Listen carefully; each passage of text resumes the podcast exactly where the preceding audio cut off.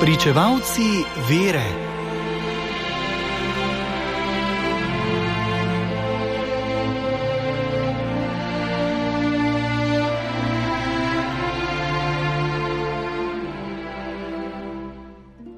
Na svetniškem koledarju je danes ime sveta Apolonija, mučenka iz Aleksandrije v Egiptu, mučenka iz sredine 3. stoletja.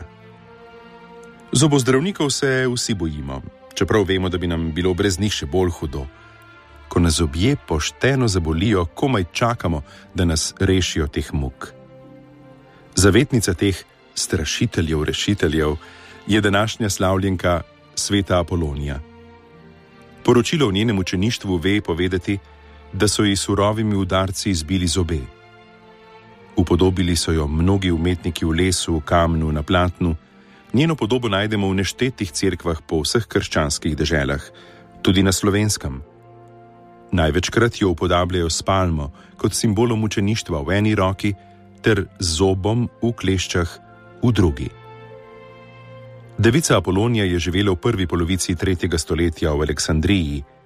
Najbrž je delovala kot diakonisa, kot moramo sklepati iz pisma o preganjanju kristijanov v Aleksandriji, ki ga je od tam poslal škof Dionizi, škof v Fabiju v Antiohijo. Poroča o mučeniški smrti mnogih aleksandrijskih kristijanov, med katerimi je bila tudi Apolonija. To preganjanje je tudi grozljiva slika o tem, kako ljudje izgubijo razsodnost, kako podivjajo, ko nekdo udari na pravo struno, da doseže svoj namen. V poročilu beremo, da so zgrabili tudi vsega občudovanja vredno starejšo devico Apolonijo in iz udarci po čeljustih izbili vse zobe.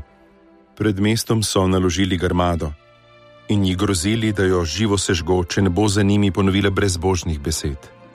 Ko si je izprosila trenutek in so jo izpustili iz rok, je urno skočila v ogenj in zgorela.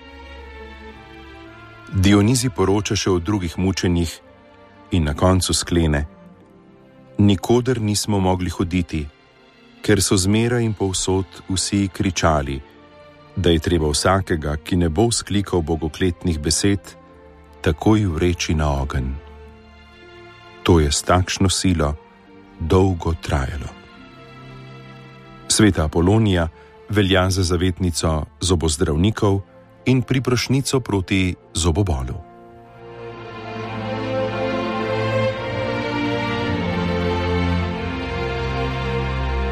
Brali smo iz knjige Svetnik za vsak dan, ki jo je napisal Silvestr Čuk.